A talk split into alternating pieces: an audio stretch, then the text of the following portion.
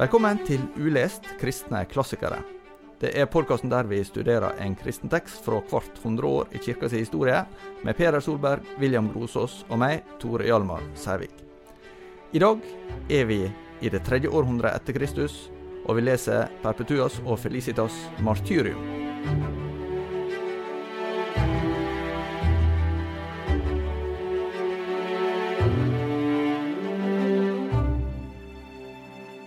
Sigersdagen deres grydde, og de marsjerte fra fengselet til amfiteateret med glede, som om de var på vei til himmelen, med rolig ansikt, skjelvende om i det hele tatt, med glede heller enn med frykt.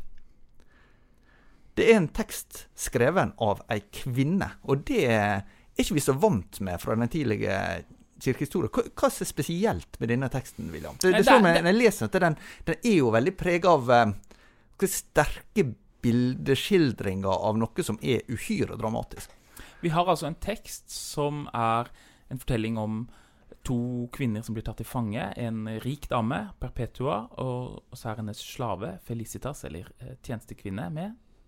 Og eh, Felicitas, som er tjenestekvinnen, hun er gravid og føder i fengselet. Det er ganske dramatisk. Og Perpetua har et lite barn som, som ammer.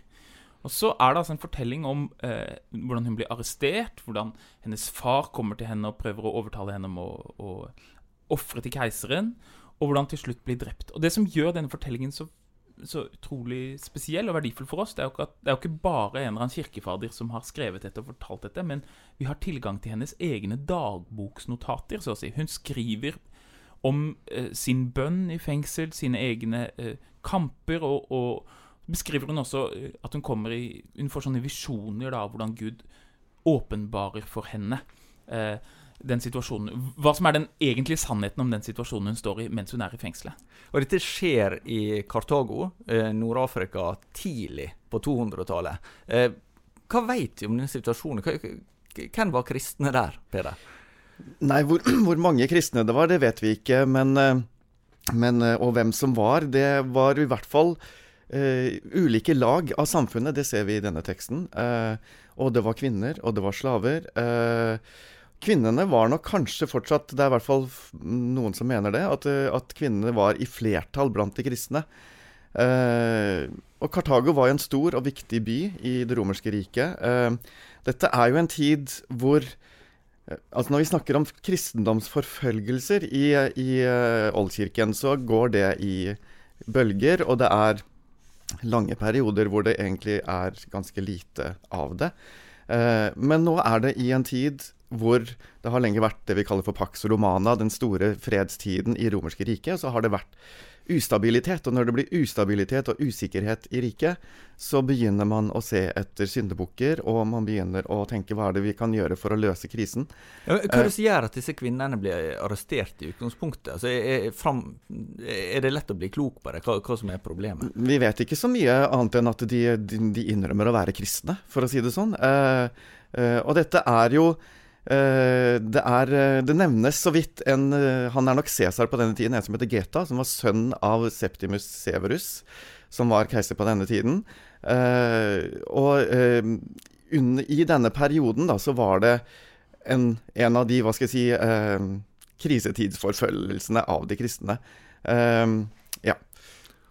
Og så er det jo da den, den romerske keiseren som, som, som er på en måte den skal holde riket sammen. Og det å ofre til keiseren som en gud er en del av det å på en måte være en del av, av det fellesskapet. Og det nekter de kristne. Og, ja, og der hadde jødene fått et slags unntak.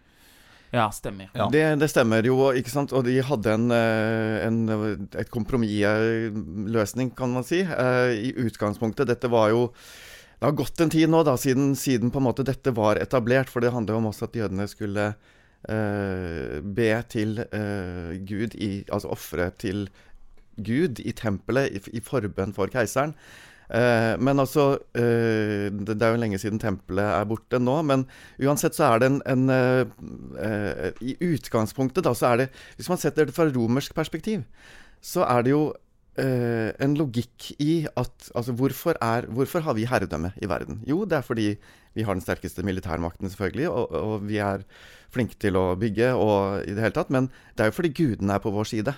Det er jo våre guder som er de sterkeste, og de er på vår side. Og når det kommer kriser, så er det spørsmål hva, hvorfor er gudene sinte på oss? Og da har vi jo noen i, i, i riket vårt som faktisk spotter gudene. Som, som motarbeider hele gudstyrkelsen. Altså Det er jo disse som var skyld i at gudene er sinte på oss. Altså Det er en logikk her som gjør at det, hvem er det som nekter å ofre til gudene våre og, og, og blidgjøre dem? Jo, det er først og fremst de kristne. Starten på teksten er jo interessant fordi det ikke bare viser ei spenning til myndigheter, men faktisk ei spenning inn i egen familie. Ja. Det er veldig eh, viktig aspekt her, det er at hun, hun hun får Altså, hennes egen far i et, eh, et, veldig patriarkalsk samfunn kommer til henne og krever av henne at hun skal eh, ses, Du har et barn, husk du har forpliktelser i familien. Nå må du, nå du eh, eh ofre til keiseren og gjøre det fornuftige. Ja, og, og der låste du eh, altså, Du minte oss om starten. Eh, de formuleringene som brukte. Jeg kan ikke ja. lese Nei, hun, hva er det hun, hun sier at eh, Så sier hun til, liksom, til faren sin Ser du det der karet der borte? Ja, jeg ser det karet. Sier, ja, Kan du kalle det noe annet enn det det er? Det er et kar eller et krus eller noe sånt? Nei, jeg kan ikke det, sier faren. Nei, og jeg kan ikke kalles noe annet enn kristen, for jeg er en kristen. Og eh, den frihet som kristendommen gir Eller i hvert fall det å lese en sånn fortelling da, for en ung kvinne eller for en kvinne en, eh, Det kan være en som er, som er en slave, eller som er sånn som Perpetua, kommer fra en veldig rik familie. Og det å innse at verden er ikke bare en sånn patriarkalsk eh, pyramide der, der, keiseren er på toppen, og så er på en måte har du eh, så må, må, man lyde. Nei. Eh, I samvittigheten så er vi eh, først og fremst forpliktet overfor å lyde Gud, og lyde sannheten. Og selv i relasjon til våre egne eh, foreldre, vår far, vår mor, som, som, hele kulturen sier du skal lyde disse, fins det noe som setter deg fri til å lyde sannheten. Og det, det, høres, det er utrolig brutalt, selvfølgelig, når, når, du har et barn og sånne ting. Men man kan si, det er på en måte nødvendig, da. Fordi det her er så stramme sosiale rammer som er lagt for kvinner. Og, sånn at når du får sånne fortellinger, og disse blir lest i kirkene For dette er jo en, blitt jo en veldig populær fortelling som blir lest i kirkene veldig mange århundrer etterpå. Augustin f.eks. holdt prekenserier over akkurat Perpetua og, og Felicitas martyrium. Og det, eh, når de hører dette i kirken, wow, så blir hun et tegn. Og så skuer de bort på faren min, og så er det liksom sånn Ja, pappa, jeg elsker deg, og jeg vil lyde deg, men jeg skal først og fremst elske Gud og lyde Gud. Så det er en sånn eksplosivitet, vil jeg si, i denne teksten når det gjelder nettopp disse Altså, det er ikke en oppløsning av sosiale strukturer, men det er en relativisering. Eh, der hvor, som William sier, altså eh, Det handler om den eh, ytterste lydighet. Hvor ligger den hen? Den ligger ikke i noen av disse sosiale strukturene. Den ligger til, til Gud og til sannheten. Og det er jo litt fascinerende med denne altså Det er jo flere eh, enn disse to kvinnene som lider martyriet, som vi leser om i teksten, men det er disse to som løftes fram. Og det er selvfølgelig fordi hoveddelen av teksten er Perpetuas egen, eh, dag, egne dagboknotater. Men det er også tydelig at kvinnene løftes fram her som Altså Bare tenk på i, i det, i det machosamfunnet som Romerriket var. altså det, det, å være modig, det, det, uttrykker man altså rent språklig. Du er mandig. Altså, eh, det er mandig å være modig. Det er to sider av samme sak. Her er det på en måte et mot til å bryte med de sosiale strukturene som disse kvinnene gjør, helt til det ytterste brutale mm, drap ikke sant, som de blir utsatt for, så, så er det en sånn eh, eh, Hva skal jeg si En, en sterk, eksplosiv eh, relativisering av forventningene som de har til seg. Da. Dette er jo en relativt uh, kort tekst. Uh, den greier likevel å få fram en dynamikk i forhold til form, for, for han, uh, han dukker jo opp igjen. Ja, Han kommer flere ganger. Og han, eh, han gråter, og hun på en måte anerkjenner hans farskjærlighet. Altså, hun, hun, på en måte hun, hun, demoniserer ikke den. Hun ser hans farskjærlighet som noe godt, og alle ønsker vi jo at barna våre skal, skal uh, leve ikke sant? og ha det godt, på samme måte som Maria gråter over Jesu død. Hun føler medynk med han, ikke sant? som, som en uh, uttrykk for eh, litt, Han er litt stakkarslig. Han faller på kne og gråter, som du sier. Han faller på kne og kaller henne for sin domina, altså, altså eh, Herskerinne. herskerinne. Eh, så, så det er på en måte en, en Som du sier, hun, han, hun anerkjenner eh, posisjonen hans og hans kjærlighet, men samtidig så blir han stakkarslig i denne teksten. Og det er den her spenningen i teksten som gjør den så eh, sterk, er jo det her mellom hva er det som skjer ytre, og hva, hvordan forstår Perpetua det som skjer selv. I det ytre så er hun på en måte Hun er bunn Hun er helt hun er ydmyket, hun er helt på bunn av eh, alle maktstrukturer, hun og Felicitas. Men så har hun eh, disse visjonene i drømme. Ja, for- det er nok det som jeg syns er interessant når jeg leser dette, at eh, vi er jo i en periode her der det foreligger ikke noen samla bibel. Eh, så, så vidt den, i den form iallfall vi, vi kjenner det i dag.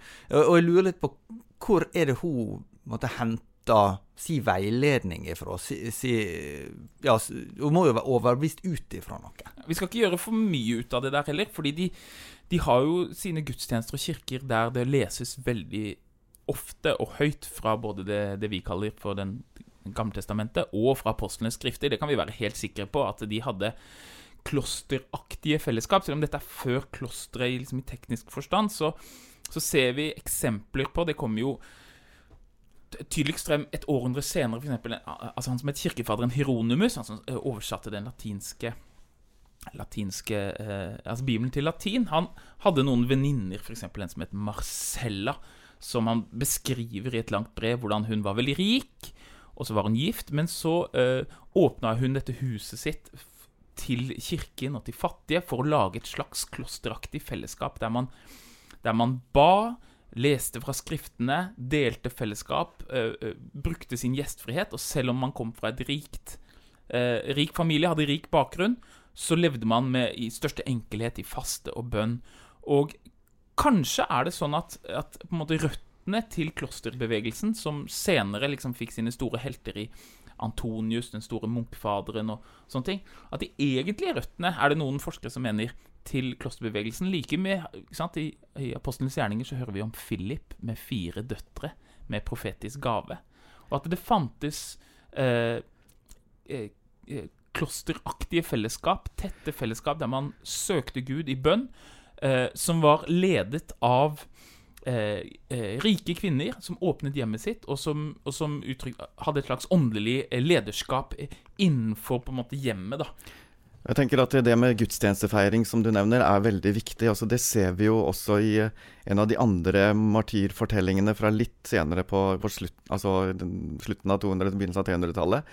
Eh, hvor vi leser om et forhør der forhørslederen, som flere i disse beretningene, er litt sånn Hvorfor skal vi måtte ta livet av disse folkene? Altså, de er, liksom, de er ikke egentlig interessert i å liksom bare uten videre drepe de kristne. De prøver å få de til å slutte med det de driver med. Så han sier liksom Hvorfor, hvorfor kan dere ikke bare slutte å feire gudstjeneste?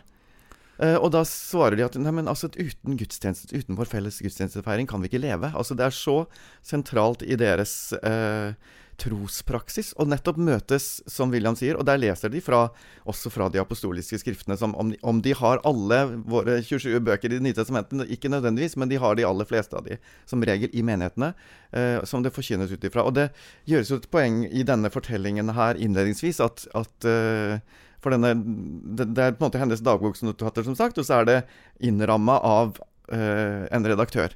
Og han forteller om at Perpetua var en fornem kvinne som hadde utdannelse. Uh, det, altså, hun hadde på en måte en intellektuell begavelse, kan vi si også, da. Ja, og så, og så er det jo ikke unikt at det er ressurssterke kvinner som, som Altså, det er ikke noe som dukker opp her. Vi leser jo Det nye testamentet også om f.eks. Lydia, som Paulus møter i Filippi. Antagelig den første kristne kvinnelige Eller første kristne kvinne i Europa, kanskje. Eh, og så eh, liksom Priska og Kvilla, som Mm. var mm. samme, eh, ja, medarbeidere med, Paulus i forskjellige plasser, både i Korint og i Farfaren min hadde en teori på at uh, Vet du hvem som har skrevet hebreerbrevet, William? sa han. Uh, nei, jeg vet ikke det. Det er det ingen som vet, svarte jeg. Nei, det er ikke Paulus, sa han. Nei, vet du hvem som har skrevet det? Nei, det er Priscilla, sa han. Ja. Ja, eh, hvorfor det? Nei, Nei, de, Grunnen til at ikke vi vet det, er at det var en kvinne, men en av de største teologene i Oldkirken, det var en kvinne. Det var Priscilla. Og eh, om det kan historisk eh, sannsynliggjøres, eh, vet jeg ikke, men det er en morsom teori. Og, eh, og eh, Lydia, for eksempel, denne fortellingen om Paulus som møter Lydia, den er ikke bare en historisk fortelling, men jeg tror også den er en idealisert eksempelfortelling på hvordan veldig mye av den første kristne tiden den, den var avhengig nettopp av også kvinner. Og trosopplæringen Hvordan vokste kristendommen de første århundrene? Vi har ofte en sånn idé om at ja, 3000 kom til tro på én dag i Det står det jo i Apostelens gjerningene. Og da tenker vi at det er vekkelser. Men det er ikke så mange beskrivelser av, av vekkelser sånn som vi kjenner fra 1800-tallet i i den første kristne tiden. Det, det, er, det er på en helt annen måte at, at, eh, at kirken vokser, og det er ved at eh, kvinner blir kristne, eller slaver blir kristne. Kvinnene får barn, slavene tar vare på barn. Kvinnene og slavene lærer opp sine barn i kristendom. Og disse barna vokser opp som kristne, og faren er litt sånn skeptisk, og sånne ting, og i noen situasjoner så blir eh, mannen, den eh, husherren, han blir så imponert over sin kone og sine slaver sin kristendom at han selv, selv eh, selv bli kristen. Men så, Det, det er jo noe som Paulus er inne på i sin veiledning til Ja. kvinner som er gift med ikke-kristne menn. Nettopp. Og dette er store problemstillinger for tidlig kristne kvinner. Hvordan skal jeg, jeg har en mann som er Han slår slavene mine, og han går på horehus og sånne ting, og jeg er kristen. Skal jeg i det hele tatt leve sammen med han? Det er ikke noe enkel problemstilling. Og det, det, det, men, men da er liksom den, den kristne måten å kristne verden på, det er unnifra. Det er slavene. Det er kvinnene. Og det er, det er de som, som gjør, skaper kristendommens vekst. Det er flott å lese om kirkefedre som står på et eller annet torg og har en fantastisk retorisk gave. Og samtidig det er flott med teologer. Men det som virkelig driver kristendommen fremover den første kristne tiden, det er eh, trosopplæring i de små fellesskapene. Og hvor du sier det, slavene og kvinnene spiller en viktig rolle. Og det er jo det er mange fortellinger om dette, helt konkret. Eh, altså, Hvis vi går litt seinere til, eh, til eh, den store kirkefader Augustin. Altså, hvordan ble han en kristen? Altså, Han hadde ikke en kristen far, men moren hans, som, eh, som Helena. Ja, Monica. d- Monica. Monica, skjønner du blander deg. ja Ja. moren, moren til Konstantin heter Ja, ja, men- sånn var det. men Augustin, han, hans mor var altså helt avgjørende for hvordan han først ble opplært i tro, og senere kom tilbake til tro.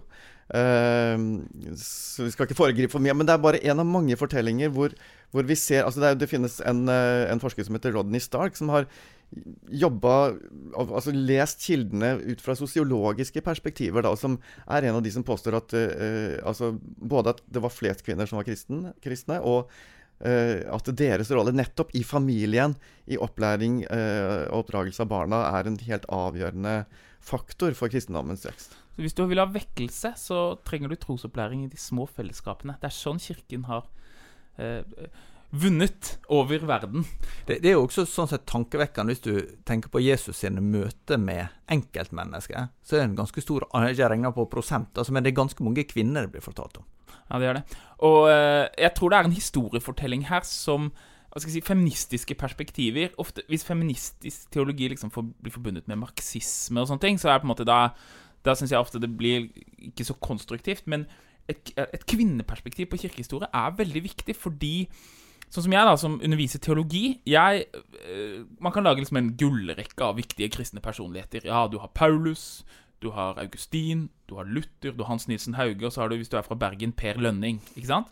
Og hva er det som er med alle de personene? Jo, de er flotte, fline kristne, men de er intellektuelle menn som kommer fra privilegerte bakgrunn, bakgrunner, og som eh, hadde sin tjeneste ved at de skrev og forkynte offentlig. Og er, vi trenger det også, men eh, skal si, den skyen av vitner som Det nye testamentet snakker om, og de som virkelig har båret kirken opp gjennom historien, det er ikke, det er ikke intellektuelle menn på store plattformer som har, som har løfta kristendommen gjennom historiene. Ikke i det hele tatt. De har ofte formulert fellesskapets tro, eller kanskje samlet opp ting skriftlig som gjør at vi husker akkurat deres navn. Men det er trofastheten i de små fellesskapene. Det er denne eh, Småbarnsforeldre og eh, slaver og eh, folk med manuelle yrker. Altså, alle disse er de som bærer kirken. Men I teologifaget så har vi en veldig sånn smal kriterium for hva at noen er viktige. Jo, det er at de har skrevet filosofiske, teologiske verker.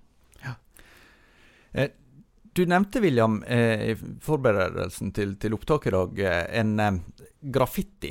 eh, Som eh, kanskje er den eldste avbildinga av korsfestelse som, eh, som vi kjenner, fra Roma. Eh, og eh, den handler ikke om kvinner, men det handler om ei anna gruppe som gjerne blir sett som, som eh, med gode grunner eh, underprivilegert i eh, denne tida, og det er jo slavene. Eh, og, og dette her er egentlig en slags en spott av kristne. Ja, nei, altså Ikke sant? Du har uh, ehm, Felicitas her, som, som er gravid, og som, og, som, og som løftes opp, og som ikke er liksom verdiløs for kirkefaderen, som kanskje har skrevet eh, eh, introduksjonen og samlet disse tekstene, men som hennes vitnesbyrd er på lik linje med, med Perpetuers eh, vitnesbyrd. Og eh, kristendommen var populær blant slavene, det jeg kan vi være ganske sikre på. Og, og som du sier, så, så, så er det ikke så mange avbildninger av Jesus eh, fra den aller første tiden, av ulike grunner. Eh, vi vet ikke eh, eh, Men det første vi har, det er sannsynligvis da en graffiti som er skrevet på en vegg i Roma. Stemmer det? Jeg tror det. Stemmer. Eh, eh, og hvor det er, du ser en, et kors, og så ser du et, et eselhode som er tegnet på et kors. Altså, Hva er dette for noe? Er det, noe sånn, det høres ut som et eller annet sånn forferdelig avgudsgreier. da. Men så står det da, en, på en sånn graffiti så står det Alexemenos tilber sin gud. Og så står det en mann da, liksom er tegna under, som liksom løfter hendene mot dette eselet. Og det er bare eh, ja, den, en, en ertende graffiti av det da sannsynligvis fins en kristen slave som heter Alexemenos, som eh, de andre regner liksom, Hvorfor tilbyr du korsfestelsen? Dette er jo det laveste et menneske kan nå, og så står du og tilbyr det. Det er jo et, det er som et esel. Er liksom. Og, eh, og eh, det, det er veldig vakkert at det, den, den, den første eh, avbildningen av Jesus, eh, det er eh, Akkurat det korsfestelsen er. Et slags eh, negativ. Et, For det, ja, nei, for det er jo Det, er jo, det viser jo noe av, av eh, hvordan kristendommen ble oppfatta i en romersk kultur som jeg nevnte, som er veldig macho, og hvor det sterke er det som dyrkes. Og så har du en gud som tilbes som henger på et kors. Altså det mest ydmykende måte å dø på uh, overhodet. sant? Eh, det er lidelse, det er Altså, hva er dette for en slags religion? Hva, hva slags gud er det dere tilber? Det er eh, hva skal jeg si, en allmenn reaksjon i, i romersk kultur i møte med dette kristne universet. ikke sant? Og så er det noe i denne teksten som kommenterer akkurat det der, i, i, i forhold til altså, disse her som blir tatt til fange, kasta i, i eh, disse grusomme fengselscellene. Mørkt og kaldt og vått, og, eh, og- de venter sin egen død. Og de, de har absolutt ingen makt, det er fullstendig avmakt. Men allikevel så er det eh, en sånn beskrivelse av hvordan alt snus opp ned. Disse her bødlene som skal ta livet av de, er de som skjelver på hånda ikke klarer å holde altså, våpnene sine skikkelig. Altså, det er, det er disse som ser ut som de er i en fullstendig avmektig situasjon. De er kvinner, de er slaver, de er helt på bånn, uten makt, og allikevel så er det de som er de sterke. Det er de som er de seirende. Eh, så hele denne måten å forstå virkeligheten på gjennom korset tydeliggjøres veldig i disse martyrfortellingene som en sånn eh, ramsalt kulturkritikk av hvor er makten deres, romere? Hvor er deres sterke guder? Altså, ja, dere kan ta livet av oss, men, men det er vi som seirer. Det er jo også et ganske sterkt alvor, sånn som jeg leser om det i, i denne teksten, når de har et slags siste måltid kvelden før, og, og både minner hverandre om det, det store alvoret som skal skje, men, men det er også en sånn advarsel til de andre om at Gud skal holde dere ansvarlig. Ja, nei, det tenkte jeg altså på når jeg leste det den gangen. At, at de sparer ikke, at de liksom de henvender seg til folkemengden. Eh, og så sier de liksom 'Gud skal dømme dere', eller til keiseren 'Gud skal dømme deg'. Og eh, at de eh, De er et, et vitne både om Guds godhet, men også det at Guds rettferdighet. Og at, og at det, det kjenner jeg det, tenker jeg på når jeg leser det. Det, det, treffer meg, da. Oi, jeg må huske på det. At, at det fins et alvor, og disse martyrene de både minner meg om, om Guds godhet for de fattige og for de underprivilegerte, men også Guds Det alvoret som viser at jeg skal stå til ansvar for mitt liv. Eh, og da skal jeg eh, måles opp mot eh, Perpetua og Felicitas, og ikke opp mot eh, store stjerner og intellektuelle, eller de som man kanskje kan eh, hylle i, i si, et sekulært perspektiv. Og dette er jo, altså Det ordet du nevner, vitne, det er jo det Martyrium betyr vitnesbyrd, eller vitne. sant? Og eh, et poeng knytta til det du sa i stad, William, med, med altså, de store intellektuelle eh, Altså det å være et vitne, det er det fremste du kan være. Altså det, hva var det folk leste i i denne tiden her, når de skulle lese noe oppbyggelig? Eller, det var martyrfortelling. Altså det er dette som blir de populære Det er ikke biskopenes prekener man, eh, man leser, det er martyrberetningene. Ja. Uh, og nettopp dette at de som anses som uh, de hva skal jeg si, underprivilegerte, de svake, eh, om du var slave, om du var kvinne, så kunne du vitne på den aller sterkeste måten om hva kristendommen er. Altså ved kroppen din, som, som, som er så viktig i denne teksten. Altså det kroppslige, det, det springer ut av teksten hele tiden. Altså det er, eh, det er kvinnekroppen også som vitner om Kristi seier over mørkemaktene ved å bli drept på samme måte som Jesus ble. Altså, Det, det med kvinnekroppen blir jo sett på spissen ved eh, rett og slett at dette foregår i forbindelse med en fødsel. Eh, eller rett i forlengelsen av, av det. Eh, og, og så må vi jo si at dette er jo helt uansvarlig. Du har et barn. Ja. Du, du, må, du må ta ansvar for dette barnet. Hva, hva, hvorfor kan ikke du på en måte eh, legge til side den kampvilja nå, og så, og så får du heller Det er en veldig stort spørsmål, og det er ikke noe enkelt svar på det. Jeg, eh, det kom noen film noen, eh, en film for noen år siden som tok opp det som heter eh, Silence med Martin Scorsese. Jeg vet ikke om dere så det? Om de japanske misjonærene på eh, 1600-tallet som hvor forfølgelsen ble så sterk at i, i denne filmen så er på en måte uh, Og ikke sant, det var en stor kristen kirke i Japan på eh, 1500- og 1600-tallet, fordi det var et sånt politisk klima der det var mulig for kirken å vokse. Det var eh, 300 000 kristne og sånne ting. Og så begynner eh, japanerne med en veldig sterk forfølgelse. Og så uh, Først så begynner de å drepe og, og, og, og prester og sånne ting, for de tenker at det er det lureste. Men så slutter de med det. De begynner å torturere tilfeldige kristne. Og så sier de til prestene det er din skyld at disse nå blir torturert. Sånn at de, de blir ikke bare stilt til ansvar for sin egen lidelse, men for alle de andres lidelse. Og så sier du det ansvarlige for deg, det nå er å ikke være hovmodig på bakgrunn av din kristne tro, men å, å slutte å preke, for da kommer alle disse andre til å slutte å lide. Og det er akkurat det samme som Jesus møter i, i ørkenen. Gjør disse steinene om til brød.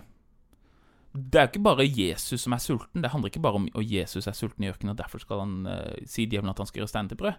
Jesus da sier, er du villig til å lyde far i den grad at du lar millioner av mennesker være uten brød? For Jesus kan på en måte knipse, og så har han løst problemet, men da er friheten til å elske Gud borte. Og Jesus velger det. Og det kan vi kjenne eksistensielt på en måte Oi, dette her er eh, Gud er villig til å la så mye lidelse skje for den kjærlighet som han åpenbarer i Jesus, skal være mulig, og som skal gi oss i evigheten. Og eh, da kan Martin Scorseses liksom, film den handler om at ja, kanskje kan det være en enda større kjærlighet å gi avkall på sine overbevisninger for den andres skyld. Men eh, det er ikke kristendom. Det er ikke det Jesus gjør i eh, ørkenen. Jesus er faktisk villig til å la alt det vonde vi erkjenner, skje for å holde muligheten for å elske åpen. Og vi kan eksistensielt spørre det. Eh, Men, men, eh, men Perpetua og Felicitas de skjønner at dette er veien Jesus går. At det fins en, en, eh, en, en skjønnhet og en frihet i det å ikke Ikke på en måte svikte den kjærligheten som Jesus viser når han ikke redder verden fra sult, og ikke redder verden fra sin egen frihet, men redder den fra sin synd, som er det dypeste problem. Men Men det er er, klart er tanken da at, at Ja, du kan bare ta det. Ja, nei, men det er, for det er klart at det settes på spissen i den teksten, og det tematiseres. Altså, altså Én ting er på en måte at du ikke er lydig mot din far, men altså, du har et diende barn. Hva gjør du? eh, altså, er du fullstendig uansvarlig? Og eh, det gjelder jo Perpetua. Felicitas føder i fengselet. Når det gjelder begge to, så står det Perpetua er jo fortvila for barnet sitt, og får, får til at hun kan få barnet i, eh, inn i fengselscellen, sånn at hun kan få amma det der. Og det står liksom hvordan, hvordan eh, hun da får andre til å ta seg, altså familien til å ta seg av dette barnet. Og tilsvarende også Felicitas som føder, får gitt barnet til en som vel, oppdrar det som sitt eget, som det står, ikke sant? bare i en kort setning. Så, så det er ikke sånn ikke bry deg. Altså det, er, det er helt klart at det, Her settes det på spissen hva kan være sterkere enn morskjærligheten, som et på en måte siste eh, En siste skanse, så å si, i forhold til en, en, lydighet mot noe som er enda større. Altså det er så Også sånn som det tematiseres i teksten, så er det til å få på en måte frysninger på ryggen av i forhold til hvor, hvor eh, På en måte kan man si hvor fanatisk deres eh, overbevisning er. Altså, Utenfra kan man se det sånn, og man kan forstå at det ses sånn, ikke sant? Men, men, men allikevel så er det denne eh, Altså, hva er til syvende og sist det som er sant, rett og godt? Eh, vil barnet mitt, selv, selv det jeg elsker aller høyest i verden, eh, eh være tjent med at jeg svikter det aller, aller viktigste? Nettopp.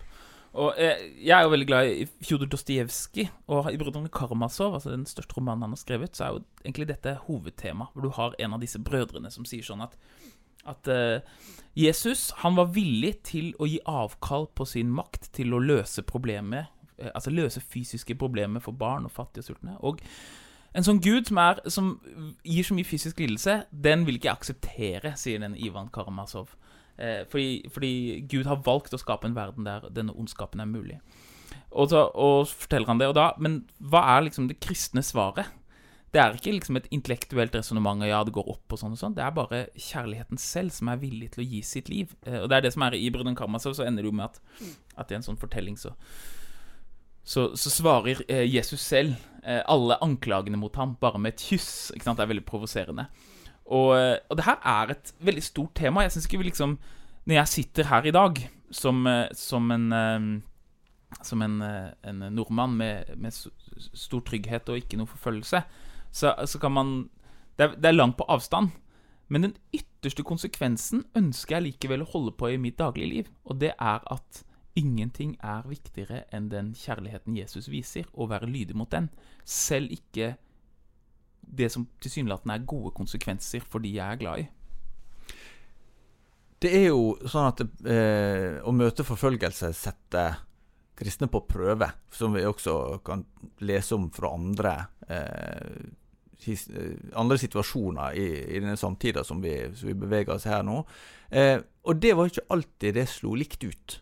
Somme eh, ga etter, eh, delte ut hellige tekster som som ble brent, kanskje, eller på andre måter ja, valgte å ofre til keiseren, eller sånn. Hva type spenninger skapte det? Ja, nei, Det er sånn som i dag. Altså, vi, eh, vi kan lese idealiserte fortellinger, og kanskje det fins noen fortellinger som, om vår tid som kommer til å bli skrevet og leses om 500 år, om 1000 år. Eh, men de fleste av oss vi, eh, vi når jo ikke opp til de, de idealene, eller klarer å nå opp til det. Og, og, hva skal man gjøre med alle de som ikke klarer, sånn som Perpetua, å, å stå i den, den situasjonen? Hvordan, hvordan, skal det, det store fellesskapet Eller det, det, det, store fellesskapet forholde seg til de som, de som eh, holder ut? kan Kirken ta imot noen som, som, har sviktet den kristne tro? Kan de ta de tilbake igjen? Eller må de da støtes ut av fellesskapet? Må de da eh, på en måte ha en, de må, være, må, de være suspendert fra fellesskapet i 10-15-20 år? Ikke sant? Det er, dette er reelle ting. Som, og, det, og, og, det, og, det, er forståelig. Altså eh, Jeg bare tenker på altså, eh, Ordet 'traitor' vi har på engelsk i dag, det kommer faktisk helt tilbake fra denne tiden her. Traditores, de som overleverte skrifter, eller overleverte lister over de kristne.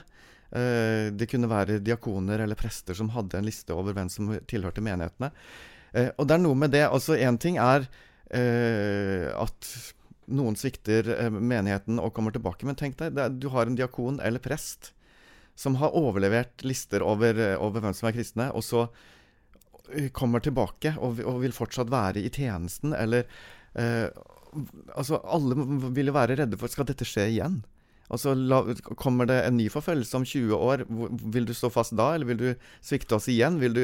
Så det er en, det er en, det er en reell eh, opplevelse av at eh, det er utrygt da, å slippe folk tilbake mm. inn i menigheten igjen.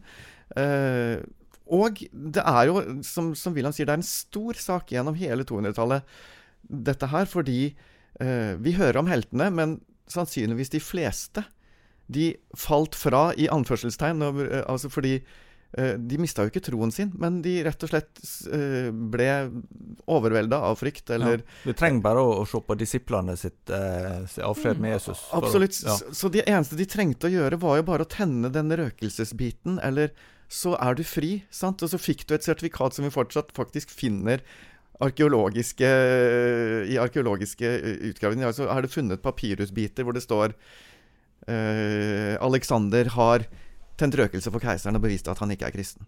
Kan du gå med den i baklomma, så kan du til enhver tid vise at ok, altså, jeg er fri for uh, å bli dratt inn til nye avhør osv. Så, videre. så, så Så det er et stort tema i forhold til da å, å, å uh, ta disse inn igjen i menighetene. Uh, ja, for det er lokale forfølgelser, f.eks. Den her er tror jeg, relativt lokal, den som var på, på denne tiden. Selv om andre uh, kjente personligheter også ble, ble, drept på den tiden. Men du har, ikke sant 50 år senere, 250 etter Kristus, så har du en veldig intens forfølgelse. Kanskje den verste i hele kirkens historie. Og dette her blir enda mer satt på spissen. Og da er det en biskop som heter Kyprian, som da er eh, også fra Kartago og lever i den samme kulturen i Nord-Afrika, hvor martyriet settes veldig høyt.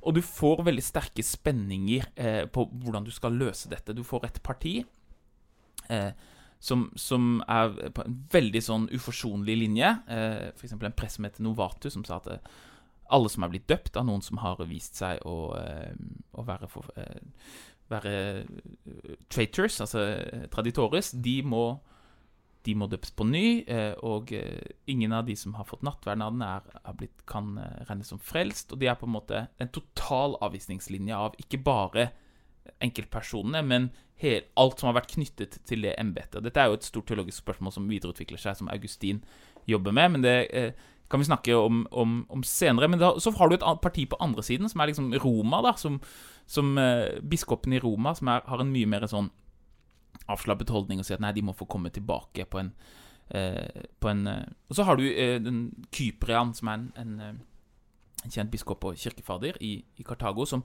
prøver å forhandle, eller på en måte lever en slags spenning mellom disse partiene, hvor han sier ja, de skal få komme tilbake, men de er nødt til som Peder sier, Vi må ha tillit til at, de, at, vi kan stole på dem. De er nødt til å vise ekte anger. Vi kan ikke ha billig nåde. Vi er nødt til å, å å sette krav til dem på en eller annen måte. Og, og i den spenningen er eh, Den fortsetter, og, og den, den, lever i Nord-Afrika i hundrevis av år, egentlig, etter, etter, denne tiden. For det er, det er jo veldig vanskelig. Det er, ikke sant? Nazismen har jo hatt det her i, i det 20. århundre. Kommunismen. Hvordan, hvordan skal man gjøre, egentlig, hvis du innser at biskopen din drev og, og, du ikke kunne stole på ham. Eh, i, han drev og sendte folk til Gulag-leirer i, i, 20 år. Og liksom 'Takk Gud for biskopen min, og vi skal be for han i de neste gudstjenestene de neste 20 årene også'. Det er, du har problemer.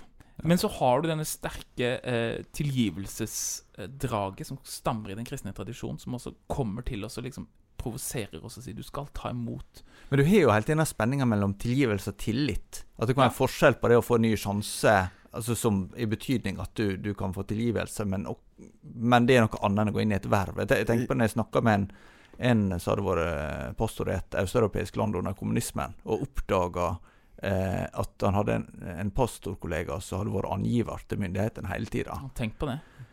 Uh, og det er klart at det gjør et eller annet med altså, Du kan alltid si at ja, du må tilgi dem, men, men, stoler du på vedkommende etterpå? Så det er jo, det er jo som du sier, altså det er en, en viktig distinksjon der mellom tilgivelse og tillit. Og, og ja, Kyprian sin løsning er jo på en måte å si at OK, du kan få tilgivelse, men du må vise anger, og det tar lang tid før du kan igjen få full tillit i menigheten.